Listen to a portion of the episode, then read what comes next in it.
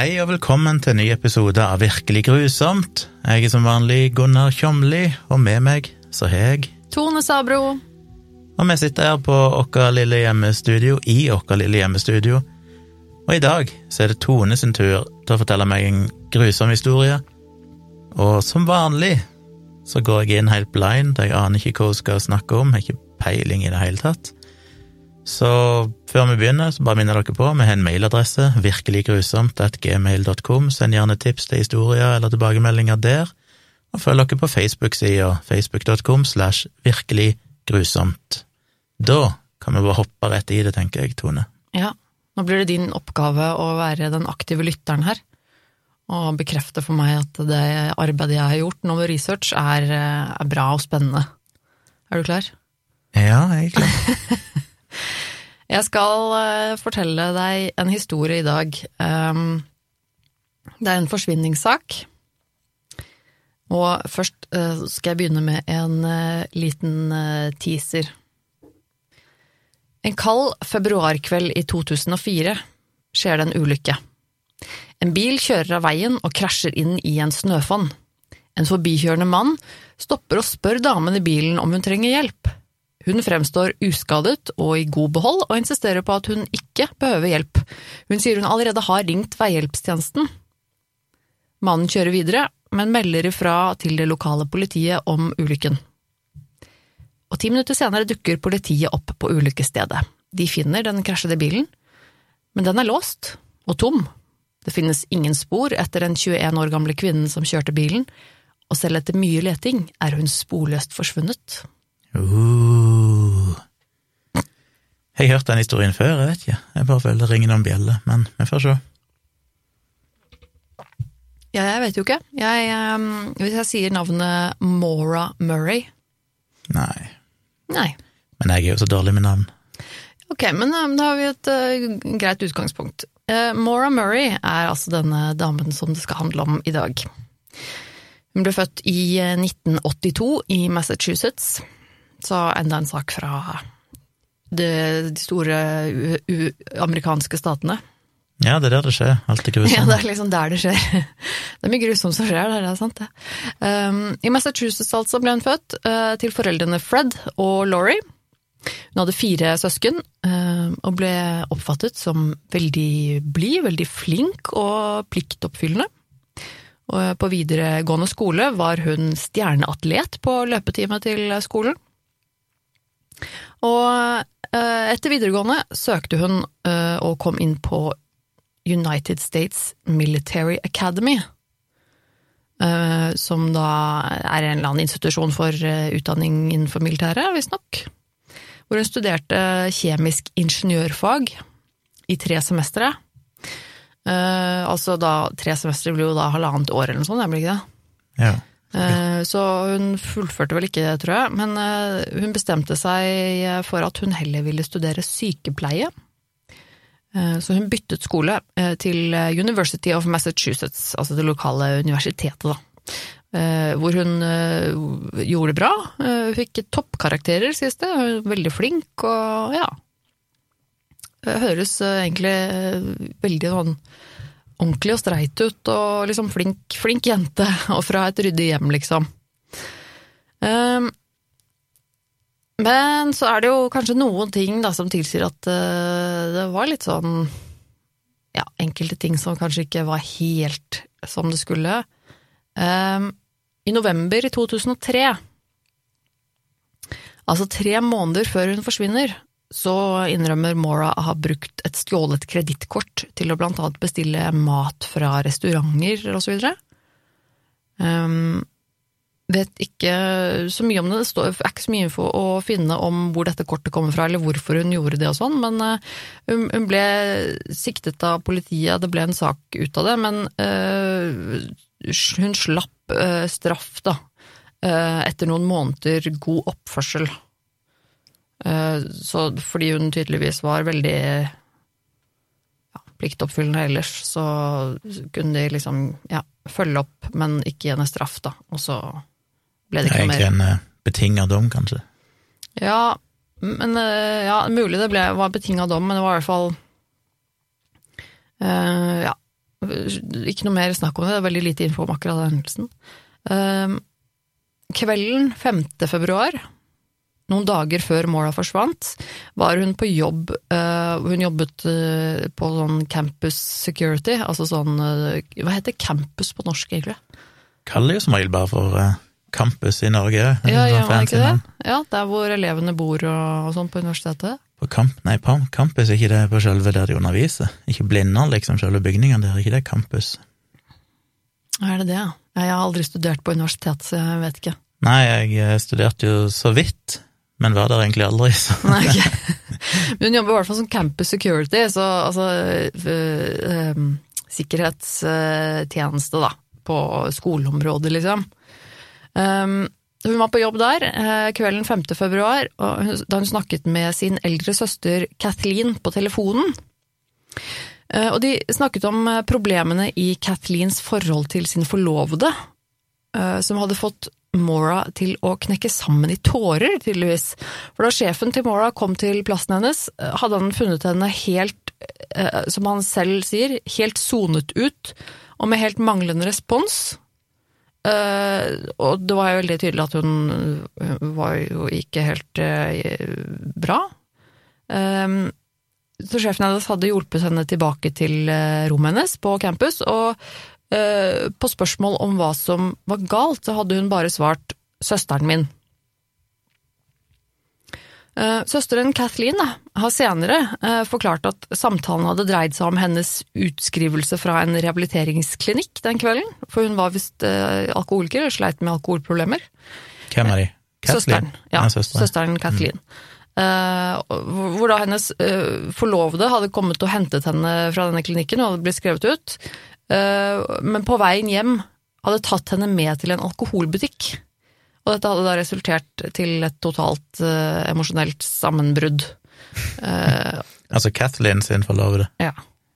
Så de det, det Han ser ut som en uh, stødig kar. Ja, ikke sant? Så de hadde tydeligvis noe issues i sitt eh, forhold, da. Eh, Han likte jo kanskje best når hun var full, da. Ja, hvem vet. Um, men dette hadde jo tydeligvis da også gått veldig inn på Mora, siden hun da tydeligvis hadde begynt å gråte veldig, eller brutt helt sammen i tårer og sånn, av denne samtalen med søsteren. Så eh, det var tydeligvis et eller annet, eh, ja, noe som forstyrra henne litt. 7. februar drar faren til Mora, Fred, eh, på besøk til henne der hun bodde og studerte. Han har eh, fortalt etterforskere at eh, de to, altså far og datter, da, hadde dratt på bilshopping for å se etter en ny bil til Mora. Eh, For bilen til Mora begynte å bli veldig sliten. Så de hadde kikket på bil, og så etter det hadde de spist middag med en venninne av Mora. Mora hadde kjørt faren tilbake til motellet som han skulle sove på, og lånt bilen hans for å kjøre tilbake til campus for å være med på en fest. Klokken halv tre på natten hadde Mora forlatt festen og skulle kjøre bilen tilbake til farens motell. Det høres jo i utgangspunktet ikke ut som en veldig god idé, spør du meg.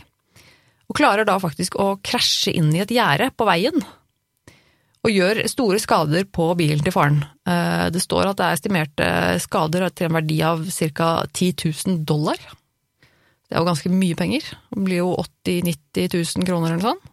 Ja, biler i USA er jo nesten gratis, så det Ja, er jo det er nesten en ny bil, det. I hvert fall veldig store skader da, på den bilen her. Um, politiet hadde vært på stedet da, og det ble skrevet en rapport. Men det fins ikke noe bevis for at de tok noe promillekontroll av henne i disse rapportene. Um, hun ble kjørt til farens motell, og ble der da til dagen etterpå. Klokken eh, 04.49 hadde hun visst ringt kjæresten sin fra farens telefon, men innholdet av samtalen eh, vites ikke.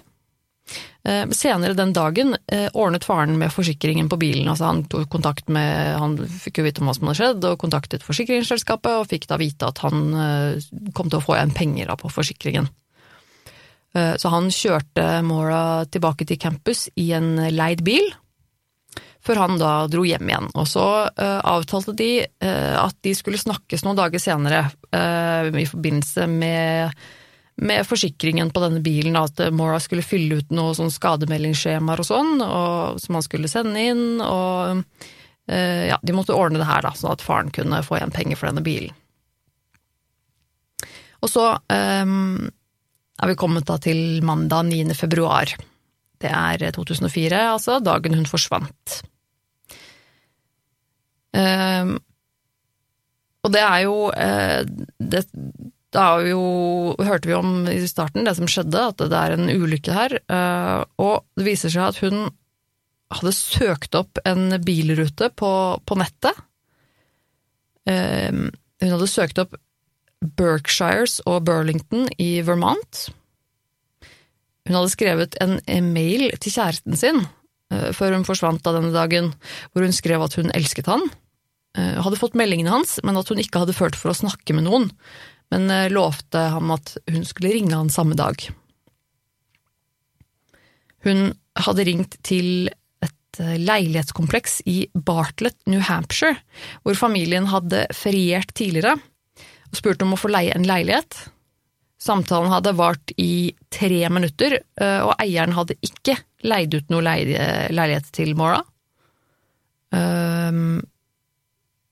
Hun sendte en mail til ledelsen på sykepleierskolen denne dagen om at hun kom til å bli borte en uke av et dødsfall i familien. Men dette var jo løgn, det var ingen i familien hennes som hadde dødd, men hun hadde lovet å kontakte dem så snart hun var tilbake.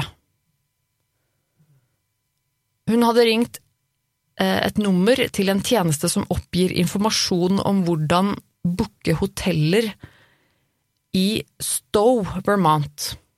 Samtalen varte i fem minutter, så hun hadde tydeligvis oppsøkt noe et eller annet sted som heter da, Stowe i Vermont, sjekka ut muligheter. Jeg oppfattet det som at det var en sånn, sånn automatisk informasjonstjeneste mm. med informasjon. Hun hadde ringt kjæresten sin og lagt igjen en beskjed på svareren hans hvor hun lovte at hun skulle ringe han igjen senere. I bilen hadde hun pakket med seg klær, toalettsaker, skolebøker og p-piller. Hun kjørte av gårde ca. klokken halv fire og på grunn av snøstorm var undervisningen avlyst den dagen. Senere, da rommet hennes ble gjennomsøkt, fant politiet ut at hun hadde pakket ned det meste av tingene sine i esker, og at all kunsten hennes var blitt tatt ned fra veggene. Så politiet antok at det hadde blitt pakket i løpet av de siste dagene før hun forsvant. Men det, det var ingen som ante noe om dette her, hun tydeligvis hadde planer om å forlate skolen, da, hun hadde jo pakket ned alle tingene sine, så ut som hun var på vei til å flytte ut. Men ingen vet egentlig hvorfor, og ingen, hadde, ingen som hadde hørt om dette. Hun hadde ikke fortalt det heller til noen. Oppå en av eskene eh, lå det en printet e-mail til Maras kjæreste, eh, som eh, det sto noe som kunne indikere at de hadde noe trøbbel i forholdet sitt. Eh, litt over halv fire etter at da eh, Mora hadde eh, pakket eh, ting i bilen og dratt av gårde, så stoppet hun og tok ut 280 dollar i en minibank, som da var så godt som å tømme kontoen. Det virket som, i hvert fall det jeg oppfattet, så viste det seg at hun, det var liksom omtrent alle pengene hun hadde. Og ifølge kameraovervåkning på stedet der, så var hun alene. For det finnes opptak, og man kan se at hun står foran en minibank og tar ut penger. Og så går hun derfra helt alene. Um, og i en nærliggende alkoholbutikk uh, gikk hun inn, og så kjøpte hun alkohol for ca. 40 dollar. Uh, inkludert uh, Baileys Irish Cream, Kalua, vodka og en kartong med Franzia vin. Du får mye for 400 kroner i huset. Jeg skal ikke si at det er 40 dollar, da får du innmari mye alkohol for 40 dollar. 350, eller hva det Ja, det er jo helt sykt. Ja. Du har ikke fått én av disse her for 40 dollar i Norge omtrent. Ja. Det er liksom, ja. Um, så, men kameraene der viste også at hun var alene. Og I løpet av dagen hadde hun også eh, vært innom eh, og plukket med seg sånne ulykkesregistreringsskjemaer fra Vegvesenet, sånn som hun trengte da. Eh, til, mest sannsynlig da trengte til denne saken med forsikringen på bilen til faren. Mm. Så hun hadde vært innom og plukket med seg noen sånne skjemaer. Ingen visste hvor hun skulle. Det fantes ingen bevis heller for at hun hadde bestemt seg for hvor hun skulle. Det var ikke noe bookinger noe sted, det var ikke noe bekreftede avtaler noe sted, og hun hadde heller ikke fortalt noen eh, hvor hun skulle hen. Ingen venner, ingen familie, ikke kjæresten heller, visste noe om det her. Så hadde hun jo da vært eh, på denne bilturen, og så hadde hun jo da uh, krasjet. Um, og en eh, nabo hadde hørt smellet fra ulykken, og kunne se bilen fra vinduet, så hun hadde ringt politiet. Og det var en, som jeg nevnte også innledningsvis, så var det en bilist som hadde kjørt forbi rett etterpå, og som hadde stoppet og snakket med henne, ikke sant? Men i løpet av noen få dager så krasjer jo både bilen til faren og sin egen bil. Yep. Så han har bilsjåfør, altså. Veldig habil sjåfør, uten tvil. Eh, Så, ja, og bilisten, han som stoppet og snakket med henne, eh, han sa at han ikke så noe blod eller skade på henne, eh, men at hun var kald og skalv.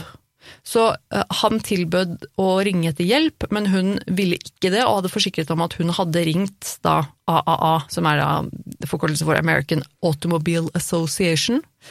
Um, NAF i Norge. ja, blir vel tilsvarende NAF i Norge. Og eh, hadde vært veldig insisterende på at hun ikke trengte hjelp, eh, og at han ikke skulle ringe noen. Så han eh, hadde jo kjørt videre, da. Eh, Men han hadde også vært klar over Han var tydeligvis lokalkjent, så han visste jo også at eh, mobildekning i området kunne være litt dårlig og sånn, så han hadde kjørt hjem og likevel da ringt politiet og rapportert om ulykken. Og det kom jo, eh, det kom jo politi til, til stedet ca. ti minutter, det står ti minutter eh, cirka da, eh, etter eh, det ble rapportert inn, så var det en eh, politipatrulje som, eh, som eh, kom til stedet, eh, og ifølge den offisielle politirapporten så var det ingen på stedet da politiet kom dit. Eh, Det sto at bilen hadde truffet et tre eh, på, på førersiden, Eh, Frontvinduet var sprukket, eh, det var, og begge airbagene var utløst. Eh, Så der hvor foran med bilen, der hvor den var blitt truffet, eh, eller truffet det treet da, og den svære snøfonnen, så hadde bilen blitt litt sånn ja, godt trøkka inn, da. Så den var på en måte tydelig skadet. Mm. Eh, Men ja, bilen var tom, og den var låst. Inni og utenpå bilen var det noen røde flekker som så ut som rødvin. Eh, Inni bilen fant politimannen en tom ølflaske, en skadet kartong med Francia-rødvin, et AAA-kort med hennes navn, eh, blanke skjemaer til ulykkesrapport, hansker, CD-er, sminke, smykker og kjøreinstruksjoner til Burlington. Mauras favorittkosedyr og en bok om fjellklatring. Um, det som manglet i bilen, helt åpenbart, var hennes kredittkort og mobiltelefon, og det er heller aldri funnet igjen siden. Politiet rapporterte også at det var noe mer av alkoholen som hun hadde kjøpt, som også manglet da, visstnok. Mellom klokken dette, altså det, Ulykken skjedde rundt eh, klokka sju på kvelden, eh, sju-halv åtte. Så er den kommet inn en rapport eh, mellom klokken 20-20.30 var det noen som hadde observert en person eh, gående fort østover på rute 112, eh, ca. 68 km fra der Moras bil ble funnet. Men ingen vet om det er, var Mora, det er ingen som kan ha bekreftet det. Eh, Ja, det er jo et stykke sju mil unna. Hvis vi har gått ifra der. 68 km. Ja. Ja. Øh... Enten jeg har fått haik med noen et stykke og gått, eller så må det virker jo rart å skal ha gått i sju mil. Det er temmelig Det tar sin tid. nei, hun hadde gått 68 km. Ja, det er sju mil. Eller 6,8 mil. Miles? Å ja, engelske miles. Nei, 6 til 8 km. Eh, Seks til åtte? Ja. Å, jeg tror du sa 68. Å ja, sorry. Nei, 6 Ja. til 8 km. Ja, ok. Ja. Ja, det jo mer ja, ja, ja. Ehm, ingen vet om det var Mora, men, men det er aldri bekreftet. Men hvis det var Mora, så er det i så fall aller siste gang hun ble sett i live. Og uh, det blir selvfølgelig igangsatt leting etter Mora. Hun uh, har jo forsvunnet, ingen vet hvor hun er. Og det blir eh, Ja, de begynner å lete. Politiet og eh, ja, letemannskaper eh, i området, og det er altså ikke mulig å finne henne. De finner ikke noe, noe spor, noen ting. En politihund klarte visst å Etter liksom lukten av noen hansker som de fant i bilen, så hadde en sporhund klart å følge sporet henne langs veien østover ca. 100 meter før sporet forsvant. Og det fikk da politiet til å tenke at hun kan ha forsvunnet derfra i en annen bil. Mm. Både familien og kjæresten ble forhørt selvfølgelig. Eh, og de dro jo til stedet øyeblikkelig med en gang de fikk vite dette her, og de skjønte jo ikke noe mer, de. Eh, kjæresten sa at han hadde mottatt en melding på sin telefonsvarer en gang mens han satt på flyet på veien dit, for han hadde tatt flyet fra der han var, eh, som jeg ikke sjekka ikke hvor det var, jeg vet ikke hvor han var, men han var i hvert fall ikke i nærheten, så han tok fly for å komme seg dit. Og så sa han da at Og da skulle man jo ha mobiltelefonen, det er jo vanlig å gjøre det når man er på fly. Da sa han at han hadde mottatt en, en, en melding på telefonsvareren sin, Uh, som visstnok skal være en lyd av noe han mente at var Mora som gråt. Ja, men han reiste etter at hun var meldt forsvunnet? Ja. ja. Så det var ikke noe Ok. Um, og den, de, de, kunne også se at den, ved å spore samtalen, så kunne de se at den um, samtalen der, den var ringt fra et kontantkort. Altså de kom ikke noen vei med det, liksom helt umulig å si noe mer egentlig om det. Ehm, hun ble offentlig etterlyst. Eh, politiet beskrev henne som i fare for i fare, og mulig suicidal. Og familien var jo helt eh, uenig i dette. De skjønte ikke at hun skulle være så suicidal. De hadde aldri hatt noe mistanke om at hun skulle lide på den måten, og at hun, det var helt merkelig at hun bare skulle stikke av, og at hun skulle ha drept seg selv. Det, det trodde de ikke på i det hele tatt. Politiet hadde også sagt at hun var mulig berusa. Det kan man også skjønne ettersom det bevisene man fant i bilen, da, med, mm. med vin og øl og litt sånne ting. Eh, men han mannen som stoppet for å hjelpe henne, da, eh, han hadde ikke oppfattet henne som beruset. Og det betyr jo selvfølgelig ikke at hun ikke har drukket, ikke sant? men da var det tydelig at hun i hvert fall ikke kanskje da var drita full. Mm. da hadde han kanskje merka det. Um, ti dager etter hennes forsvinning ble det igjen lett i området med både varmesøkende helikopter og hunder, inkludert likhunder. Ingen nytte. Og familien, de har jo eh, de fortsatt å lete, eh, spesielt faren. Han dro stadig tilbake til området for å fortsette letingen, og de har jo aldri gitt opp. Men det er altså ikke noen gang funnet et eneste spor til etter Mora til mm. eh, den, frem til en dag i dag fortsatt eh, forsvunnet. Og så er det en del eh, litt sånn eh, rare ting, da, som har på en måte skjedd etter at hun forsvant.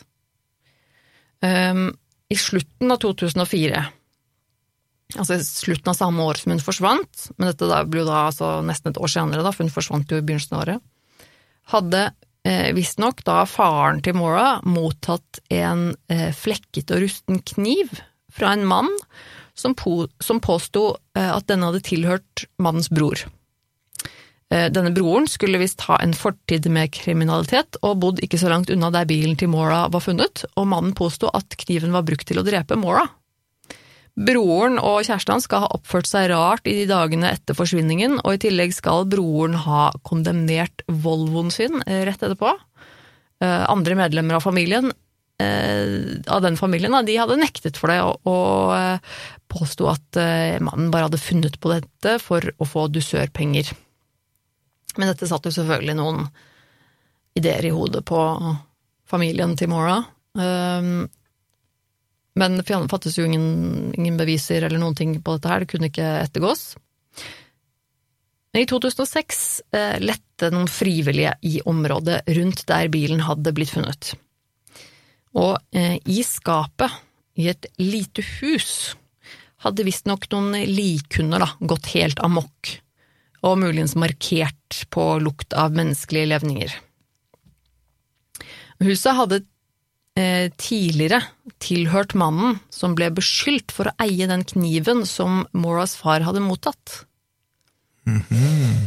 En bit av et teppe fra huset ble sendt til undersøkelser hos politiet, men det resultatet har aldri blitt offentliggjort, så det vet man ingenting om. Og altså, faren til Mora han var ganske sikker på at datteren var drept der. Og var veldig, veldig keen på å liksom undersøke det huset, og, og hadde fått veldig liksom blod på tann av disse liksom indikasjonene, da. Men de som eide huset da, de var ikke villige til å samarbeide. De hadde ikke latt dem få lov å undersøke noe mer. Um, og så først i uh, 2019 så fikk de mulighet til å ransake huset. Uh, og for hadde, uh, huset hadde fått nye eiere, som da var mer samarbeidsvillige. Uh, så da fikk de faktisk lov til å sjekke ut huset, og de gravde opp kjelleren, men fant ingenting.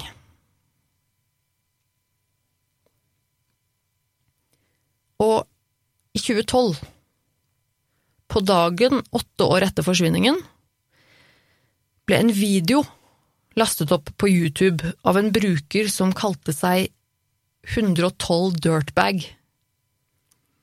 Og videoen het Happy Anniversary, og var en video av eh, ansiktet til en litt sånn creepy eldre mann som ler hysterisk. Mannen slutter brått å le, og blunker til kamera, og så kommer teksten Happy Anniversary opp på skjermen. Og mange er overbevist om at videoen er lenket til saken, for eh, 112 var jo den riksveien der Mora krasjet, krasjet bilen sin. Og dirtbag var ordet som faren til Mora hadde brukt for å beskrive en eventuelt gjerningsmann i intervjuer og, videoer og sånn. Uh, så de var sikre på at da dette kanskje hadde, var liksom morderen, da, eller at dette hadde en link, eh, link til saken. Mm. Så selvfølgelig alle på internett eh, ble jo gærne av dette. Ja. Politiet derimot, og familien, så nok mest på dette her som en ganske ondskapsfull spøk. De kunne ikke finne ut noe mer av det, og den eh, videoen ble fjernet fra YouTube. Eller eh, ikke bare videoen, jeg tror det var faktisk eh, hele den kontoen. eh, brukeren ble slettet og er borte. Ja, YouTube, liksom. Mm. Mm. Um, men ja, det, det, er egentlig det jeg har funnet ut. Ja, nei, det ringer noen bjeller. Jeg tror jeg hever borti den historien på et eller annet tidspunkt, men jeg husker liksom egentlig ingenting av det. Jeg har sett en del sånne videoer på YouTube med forskjellige saker, så en eller annen gang så har jeg sikkert vært borti det, men Det er jo ganske merkelig. Det er jo merkelig med alle mennesker som forsvinner sporløst, og det er jo sjokkerende mange av de. Ja, ja dessverre er, liksom, er det jo det. Det er så rart. Og jeg lurer på Det nærliggende er jo alltid å tenke selvmord, selvfølgelig. Ja. Men det er noe med det å klare å ta livet sitt, og samtidig skjule liket sitt, som virker litt sånn det er liksom ingen, Man kan ikke komme på noen måter der du kan ta ditt eget liv på en måte som ingen kan finne deg på, med mindre du Nei, egentlig ingen sånn praktiske måte. Jeg, jeg syns det virker litt usannsynlig at hun skal ha tatt livet av seg, da, bare fordi at altså, på en måte, ting hun pakket med seg, og beskjeder hun ga, og litt den oppfattelsen av eh, hva folk som kjenner henne, tror og sånn. Men, men altså men jeg, tenker, altså, Det var jo helt tydelig at hun, hun hadde jo planlagt å dra bort. Det var helt tydelig, selv om hun ja. da på en måte ikke hadde kanskje noe konkret For godt, egentlig, for hun hadde jo pakka tingene sine. Så. Ja, men det er liksom både òg, da. Fordi at hun hadde jo hun hadde, hun hadde pakket noen det viktige ting som kan da indikere på at hun kanskje skulle være borte en liten stund, i hvert fall noen dager. Hun hadde tatt med seg noen klær og liksom de viktigste tinga sine. Uh, og hun hadde jo uh, hun hadde pakka ned alle tinga sine på campus uh, på rommet sitt, så, så hun hadde jo tydeligvis i hvert fall tenkt å slutte skolen. Ja, det er det jeg mener virker som hun har tenkt å flytte, i det minste. Men hun sa jo også til Eh, for hun sendte jo mail til, til, skolen og sa at hun ble borte en uke eh, på grunn av at det var et dødsfall i familien, og at hun skulle kontakte dem når hun var tilbake igjen. Og i tillegg så hadde hun jo avtalt også med faren at eh, Det er kanskje det jeg tenker mest på, for hun, hun, hadde jo avtalt med faren at hun skulle, de skulle snakkes, og at hun skulle hjelpe han med de papirene og sånn. Og i tillegg så hadde hun jo da vært og plukket opp de papirene hun trengte, som da indikerer at hun faktisk hadde tenkt til å gjøre det. Mm. Og da er det jo litt rart at hun da hvis hun, hvis hun, visste at hun selv skulle forsvinne for godt, så er det jo litt rart at hun gjør det. Ja, iallfall med mindre hun liksom bare ville ordne sakene sine før hun forsvant. Ja. Men hvis ikke hun noen gang fylte ut det skjemaet, sånn, så virker jo det like Nei, for sannsynlig. ifølge den politirapporten så var de blanke, de skjemaene de fant i bilen. Ja. Så hun hadde i hvert fall ikke kommet så langt som å fylle dem ut enda. Jo, jeg tenker jo, Den ulykken er i hvert fall Det må i hvert fall ha vært en ulykke. Det virker jo øh, veldig usannsynlig at hun skulle ha krasjet bilen med vilje.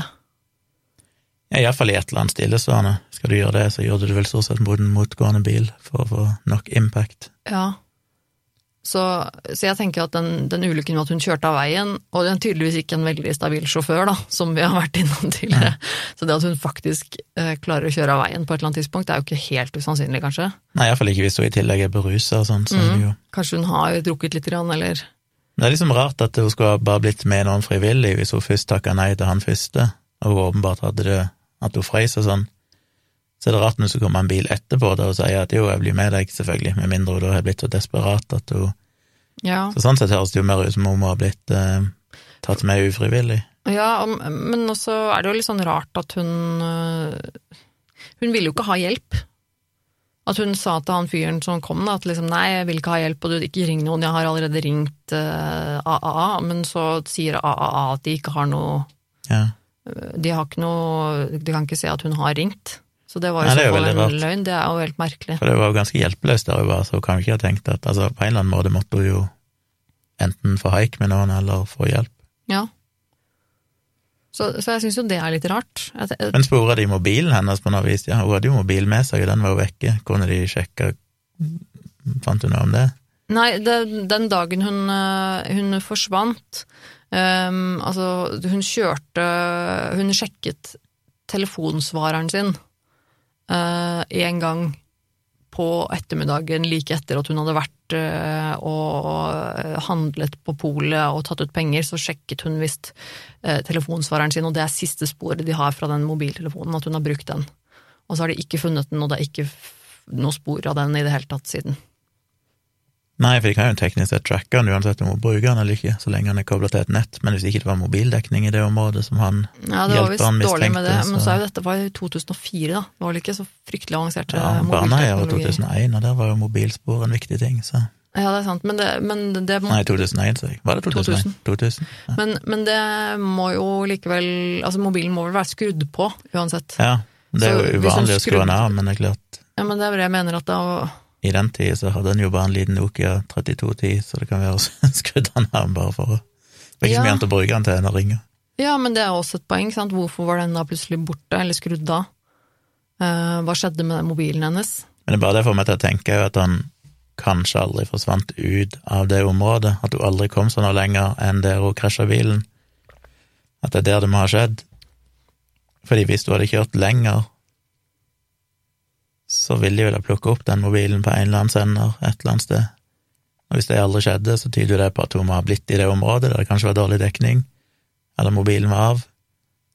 Og det, da virker det jo mistenkelig med han naboen, da, med kniven, om han kan ha plukka henne opp og invitert henne med opp i huset og sagt at han skal ringe hjelp eller sånn, og så kille henne etterpå. Ja. Det er jo også ikke bevist noe av det der, da. Det er jo bare Nei. sånn anekdoter, egentlig. Og så er det jo eh, det derre Altså, ja, altså, tenk Men jeg bare tenker at noen, hvis noe forsvinner sporløst, så føler jeg at det må være med overlegg, da må noen aktivt ha gjemt liket, gravd det ned, et eller annet. Og hvis aldri mobilen ble sporet utenfor det området, og hun aldri observert utenfor det området, så er det jo nærliggende å anta at noe må ha skjedd der, at ikke hun liksom forsvant langt unna, satt på med noen et langt stykke. Og... Det er jo ikke umulig, selvfølgelig, men eh, Det er jo også rart det der med den eh, meldingen på telefonsvareren da, til kjæresten. ja, det er hadde det fått en melding eh, hvor det er en person som gråter. Um, Ja, det er veldig rart, for liksom hvem andre enn hun skal det være? ja, det er det. Også, men, det jo, men det var ikke fra hennes mobilnummer. Det var jo da fra et, ringt fra et kontantkort. Mm. Eh, så de, de klarte ikke å finne ut noe mer eh, av det. Så det er litt sånn Det er merkelig. Ja, Og det det var jo veldig- etter at hun, etter at hun var meldt savnet òg. Ja. Eller etter at hun var forsvunnet, da. Ja, nei, vi kommer vel neppe til å løse saken her, så jeg aner ikke. Men uh, Har du ikke troa på oss? nei, da må jeg nok researche litt mer. Men gi meg noen minutter med Google, så skal jeg nok finne henne. Ja, ikke sant. Lykke til. Nei, men, eh, men hva tenker, tenker du om den der, eh, den der videoen på YouTube? Nei, det er selvfølgelig helt umulig å si, det kan jo bare være en prank, selvfølgelig.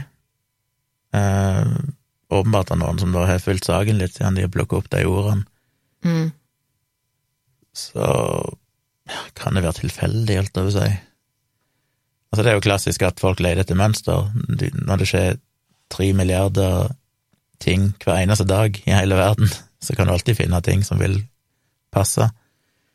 112 og dirtbag, det er sånn Ja, det finnes jo millioner på millioner av brukere på YouTube med all mulig slags navn. Ja, Men så er det da kombinert med at det blir lastet opp en mystisk video på akkurat den dagen, ja, for det var akkurat på den dagen, åtte år senere, og så het den jo Happy Anniversary. og det er liksom den eneste videoen på den kanalen, da. Ja, jeg Tror det. Ja. Ja, det, det er jo veldig rart. Så jeg tenker at, jeg tenker at, at, det har en, at det er en link til hendelsen. Tenker jeg at det er noe ganske safe. For innen da så var det jo på en måte en, en kjent forsvinningssak, ikke sant, og ingen visste svar på det. Men, men jeg tenker jo kanskje at det er mest sannsynlig at det er en prank, da. At det er noen ja, som er Tenk alle de idiotene på 4chan og sånn. Ja, ja. ikke at ikke det eksisterte i den tida, men den type, folk med den type mentalitet, Mm. som ikke tar fem øre for Jeg mener, du ser jo de moderne drapssaker òg, der folk Ja. driver og sender video av drapshendelsen til familien og sånn for moro skyld. Det er sånn, Mm. Folk er jo så u ufordragelige at det, Ja, det, også, akkurat det er jo ikke usannsynlig at noen har bare gjort det som en sånn 'oi, dette er morsomt'. ja, så jeg tenker jo at det kanskje er det mest sannsynlige med tanke på den videoen. Det er en prank. Mm. Men den er creepy, ass. Du burde nesten sjekke Jeg skal linke til uh, noe greier i shownotes, så kan folk eh, Eller bare google det selv, for så vidt. Uh, den videoen er ganske creepy. Selv om det er blitt fjerna fra YouTube, så er det noen som klarte å liksom ta opptak av den, som da som, Den lever fortsatt, holdt jeg på å si. Um, men jeg tenker jo at Jeg tenker at hun Altså er det jo selvfølgelig noen da som har ment og har liksom Det blir alltid sånn i forsvinningssaker, ikke sant, så er det alltid mange sånne som har ment at de har truffet på henne, ikke sant, de har ment uh, i Vermont, ikke sant, noen år senere så er det noen som har truffet på en dame som lignet på henne, ikke sant, Ja. Uh, men som aldri har blitt verified på noen som helst måte. Um, sånt er jo alltid, skjer jo alltid etter at noen har forsvunnet. Men jeg tenker jo at øh, Jeg syns jo det er rart eh, om det ikke har skjedd henne noe.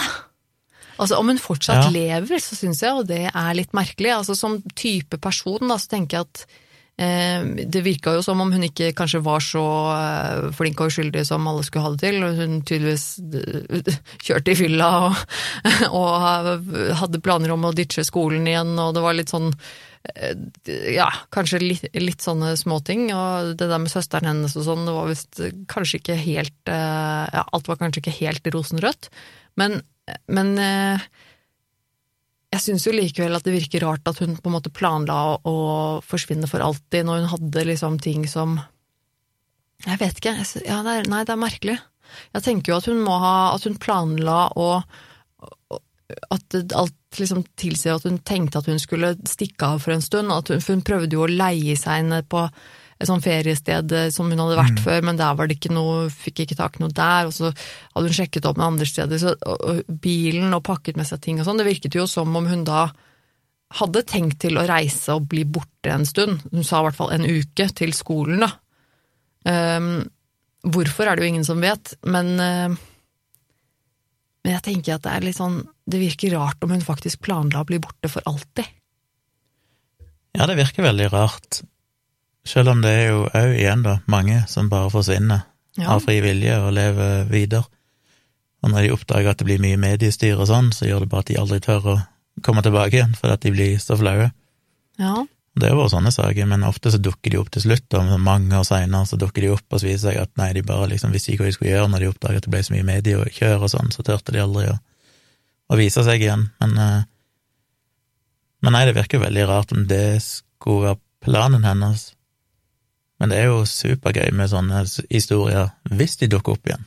Ja. Det er sånn shit. Leve, bare levd hele den tida. Men eh, jeg, jeg hang meg kanskje litt opp i det det med at politihunden klarte å finne et spor av henne 100 meter, og så forsvant det, liksom. Jeg tenker jo at det er jo ikke så helt usannsynlig at hun har bare haika med noen som kom. Nei, det er bare rart at hun ikke gjorde det med han første, som da virka som en grepakar ut ifra Ja. historien. Jo, jo. Men det er jo det at de likhundene fant spor oppi det huset. Jeg vet ikke hvor feilraten til sånne likhunder er, og om de plukker opp andre ting, og selvfølgelig kan det være et annet lik, som er helt urelatert, men det, eh, også, det er jo aldri 100 ikke sant? Når en, når en hund markerer på noe, og så finner man ikke noe. Så altså, hunder gjør også feil iblant, liksom. Eh, og det er ikke noe som kan bevises da for aller til. Hvis det finner ikke noe, så finner det ikke noe, liksom. jeg vet ikke men- er til å skille mellom mennesker og andre typer, det er vesentlig Ja, forskjellig. ja, det, ja, det vet jeg ikke. Jeg tror I sånne er områder ganske er det ikke usannsynlig at de driver med jakt og sånn, så de kan jo alltid ha hatt et eller annet dødt dyr i Ja, men jeg tror, jeg tror de er eh, ganske gode på det å skille ut eh, menneskelige levninger, altså. Uh, jeg er ikke, det er jeg ikke helt sikker på. Men, men det, også som du sa, at det kan jo være helt irrelevant for denne saken.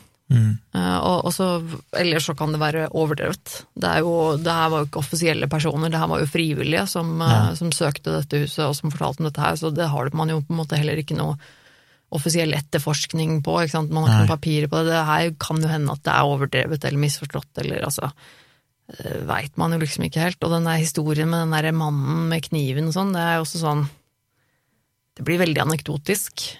Ja. Eh, Så det er også veldig sånn vanskelig å stole på det, på et vis. Jeg- Men jeg syns det er eh, Nei, det er jo merkelig. Det var tydelig at hun hadde tenkt til å stikke av en stund, men Men hun har jo eh, hatt noen issues uansett, for det er jo ikke normalt å bare drink and drive, liksom, hvis ikke du Nei. er ganske langt nede. ja, men også, ja, men det er det òg, vet du. For det, det, det tenkte jeg også på, at det er litt rart om hun Om hun på en måte da Hun hadde jo med seg en del alkohol.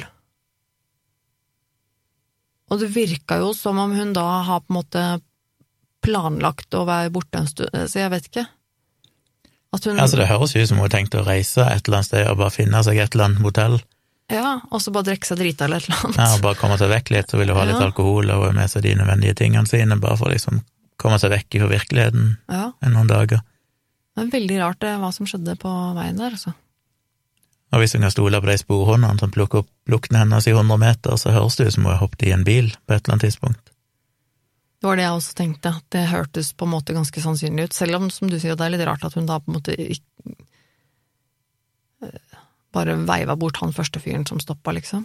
Jeg vet ikke. Ja, pluss at hvis hun ble plukket opp av en bil, så hadde det enten vært med tvang, eller hvis hun har satt seg i bilen og det ikke har vært med tvang, så er det rart at hun aldri på noe tidspunkt Altså enten har det skjedd noe veldig fort, eller så er det rart at ikke hun da har benytta anledningen til å ringe etter hjelp, for hadde hun tenkt å bare la bilen stå, liksom, eller hva var planen? Ja. Bilen og alle eiendelene sine, Ja, og det så er få kredittkort og mobil som hun vel hadde med seg. Så, men selvfølgelig, alt, alt kan jo ha skjedd. Egentlig fra derav så kan jo bare alt Ja. være mulig. Nei, jeg ser for meg liksom at hun kanskje At hun øh, kjører den bilen, og så har hun kanskje drukket litt, hun skal øh, Hun er litt fortvila for et eller annet og syns ting er litt dritt og vil komme seg vekk, og så øh, har hun ikke planlagt noe konkret, men kanskje har sjekka noen diverse steder som hun tenker at jeg kan kanskje dra dit eller dit, og så finner jeg et sted å bo der. Og så kjører hun, og så hun, kjøper hun alkohol, for hun tenker at åh, jeg vil ha med noe å drikke og uh, fuck my life eller et eller annet. Og så kanskje hun drikker litt i bilen, og så klarer hun da å kjøre av og krasje, og så får hun litt panikk og tenker sånn hva faen gjør jeg nå, helvetes dritt. Og så kommer han fyren rett etterpå, og så spør om hun vil ha hjelp, og så kanskje hun blir sånn panikk og bare nei, jeg vil ikke ha hjelp, det går bra, og jeg klarer meg, og sånn, og så blir hun litt sånn, så kjører han videre, og så blir hun litt sånn, men hva faen gjør jeg egentlig? Jeg vil bare komme meg vekk herfra, men jeg har jo, hva gjør jeg egentlig? Og så kanskje hun bare rasker med seg det viktigste, og så begynner å tusle bortover veien, og så kommer det en bil, og så bare hei, forresten, kan jeg sitte på med deg? Og så kan jeg se for meg at det er ganske sannsynlig at noe sånt noe skjer, men da liksom bare er hun så uheldig da, at, hun, at hun sitter på med en fyr som skader henne, eksempel, eller at hun uh, sitter på med denne personen her et stykke, da, og, altså, kanskje langt vekk, at hun faktisk haiker og kommer seg langt, langt vekk derfra, og så hopper av, og så kanskje det skjer en ulykke der, eller kanskje hun uh, altså, forsvinner uh, i skauen et eller annet sted der hun hopper ut av bilen fordi at, hun, har en, at det skjer en ulykke, eller at hun har Jeg vet ikke. Men jeg tenker Nei, det, at det er jo ikke så rart at de på en måte da kanskje ikke Hvis hun faktisk har satt seg inn i en annen bil, da, som jeg tenker at det kan være ganske sannsynlig at hun har gjort det, da er det jo ikke rart at de ikke har funnet henne, for da kan hun jo kommet seg langt, langt vekk. Ja, da kan alt ha skjedd. Mm. Og så er det jo klart å tenke sånn psykologisk, hvis hun står der, jeg friker ut etter ei ulykke som åpenbart var alvorlig nok, mm. eh, bilen var godt eh, skada, og hun kanskje er berusa, og hun har litt panikk, noen stopper, det at hun sier at hun har ringt etter hjelp, kan jo òg være en sånn som kvinner gjerne gjør hvis de er redd for å bli utsatt for noe, så er det jo betryggende å si at noen er på vei, liksom. Ja. Men at hun kanskje fikk plukke opp dårlige vibber med han og ikke ville sitte på med han, men ville bare liksom beskytte seg sjøl med å si at nei, jeg har ringt. Mm. Men at hun i praksis ikke ville ringe, for det var involvert i ei ulykke nylig, mm. og kanskje hun under forsikring og sånn, så ville hun ikke at dette egentlig skal rapporteres. Mm. Så da venter hun heller til det kommer noen som hun kanskje stoler mer på, eller har fått somma seg litt. Ja, jeg tenker at det er jo ikke helt usannsynlig at når noe sånt skjer, så at, at, at hun friker helt ut. Nei. Bare som du sier, at hun har vært det... i en annen ulykke for ikke så lenge siden, og hun er sikkert skamfull og flau, kanskje hun har drukket litt og er redd for å bli catcha. Altså, Hvis hun har alkohol ja, det... innabords, så er hun sikkert redd for at politiet skal komme. Mm. Og, da, og da er det lett å si at liksom, nei, men jeg har ringt noen bare for å få han der vekk. Mm. Og så når hun kommer seg litt til hektene igjen, så bare tenker hun at ok, men hva faen gjør jeg egentlig? Så da bare begynner hun å gå, og så haiker hun, eller noe sånt. Men det morsomme er å tenke på alt som kan ha skjedd, for det, jeg lurer på hvor mange sånne historier der det, det som egentlig ender opp med å skje, er ganske uskyldig.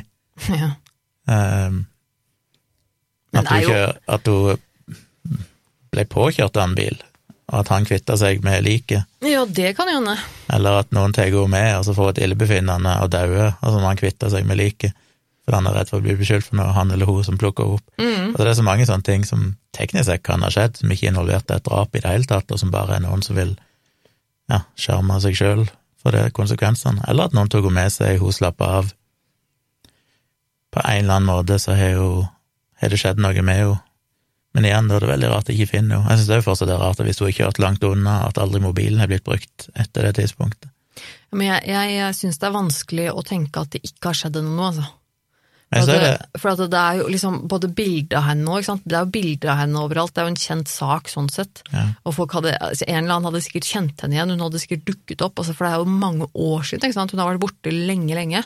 Og det er liksom det er rart at hun bare skal bli så sporløst borte, uten at noen har liksom sett eller hørt fra henne siden, og uten at ja. det har skjedd henne noe. Jeg tenker at det må ha skjedd et eller annet. Ja, nei, vi vet ikke. Vi kommer vel ikke noe videre av å spekulere lenger. Nei, vi gjør ikke det. Um, men uh, bare for ordens skyld så må du nesten gi en, uh, en karakter på grusomhetsskalaen her. Én til ti. Ja, det er jo vanskelig, for dette er jo ikke en sånn typisk grusom historie i den forstand. Nei. Det er mer en uh, mystisk historie. Altså, mystisk og litt creepy. Som vi har sagt tidligere, så burde vi kanskje ha to skalaer, men ja. på grusomhetsskalaen så er det jo ja, Hva skal en sette det på? Jeg syns ikke det er en grusom sak, for vi vet jo ingenting om hva som skjedde. Alt vi får høre, er jo bare at uh, hun aldri ble sett igjen. Ja. Så kan en jo spekulere i hva som har skjedd, og det kan føles grusomt, men da blir det jo bare fantasi igjen. Så. Det er grusomt for familien hennes, da. Ja, ja det er det. Men, ja, Men det er jo alle saker uansett hvor skyldig det er. Så. Ja, selvfølgelig. Um, så som jeg har sagt tidligere, um, alt, altså null er jo en dagligdags hendelse, så alt over null er jo på en eller annen måte grusomt. Det er ikke sånn ja. at fem er normalen. Null er jo egentlig normalen. Ja. Så derfor sånn, ja, det er jo selvfølgelig litt creepy og sånn, men jeg føler jo egentlig det bare er en uh, Ja, for meg så er det ikke mer enn en toer, kanskje, på sånn grusomhetsskalaen. Ja, jeg tenkte også det. Det er jo langt ned, sånn sett. Derimot, så er det jo kanskje en eh, fire-fem Det er ikke så mange clues, men det er fortsatt mystisk når noen forsvinner, og det er jo uh, Hvis vi kaller det en uh, mystisk uh, skala, holdt jeg på å si, istedenfor ja. grusomhetsskala, så blir det Jeg gir den fire på mystisk-skalaen. Ja, okay. ja, det er ikke så verst. Det er, for det er, ganske, det er ganske rart, også med alle de Ja, det som trekker opp, tror jeg, er den der uh, telefonsvarermeldinga med hun som grein, som jeg bare ikke skjønner hva er for noe. Nei, ja, det er Hva i rart. all verden var det? Og så er det liksom mye småting med at Ja, som alle de tingene vi har liksom resonnert fram til, så tenker jeg at det, det må ha skjedd et eller annet som gjør at det Selvfølgelig er kan den eh, mobilsvaren være òg noe sånn helt banalt, som at noen har ringt feil nummer i desperasjon. Selvfølgelig, det kan hende altså, det er liksom tusen ting, så du vet jo aldri, men Men det var iallfall uh, historien. Det var altså historien om, uh, om Maura Murray som er forsvunnet. Maura Murray. Mhm. Så hvis dere eh, sjekker ut linkene i shownotes, eller som vi poster på Facebook, eh, på facebook.com slash virkelig grusomt, så kan dere jo sjekke ut hvordan hun så ut, og sjekke om dere har sett henne, eller ser henne i framtida. kan jo være hun er emigrert til Norge. Og, fjellet er, og som sagt så er det jo det, de der Bevismaterialene fins jo på, på nettet. Eh, Ja. Overvåkningsbilder og litt sånne ting. Mm.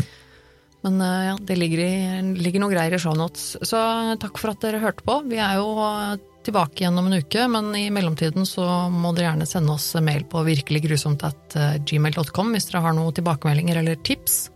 Kanskje dere vet hvor Maura Murray er? Da må dere i så fall si fra. Det er vi veldig Mm. Det er et interessert i å skup på gang i Ja. neste episode. Neste uke er det du som skal fortelle meg en historie, Gunnar. Det er det. Og det vet jeg ikke hvor blir ennå, Jeg gleder meg uansett. men jeg håper jeg finner et eller annet spennende. Vi har jo fått mange tips på mail, så jeg må alltid kikke gjennom dem og se om det er noen av tipsene jeg vil bruke. Jeg har jo brukt et par av de tidligere. Så da vil jeg bare takke for at du hørte på så lenge som du har gjort, mm. og så er vi tilbake igjen om ei uke. Ha det. Ha det.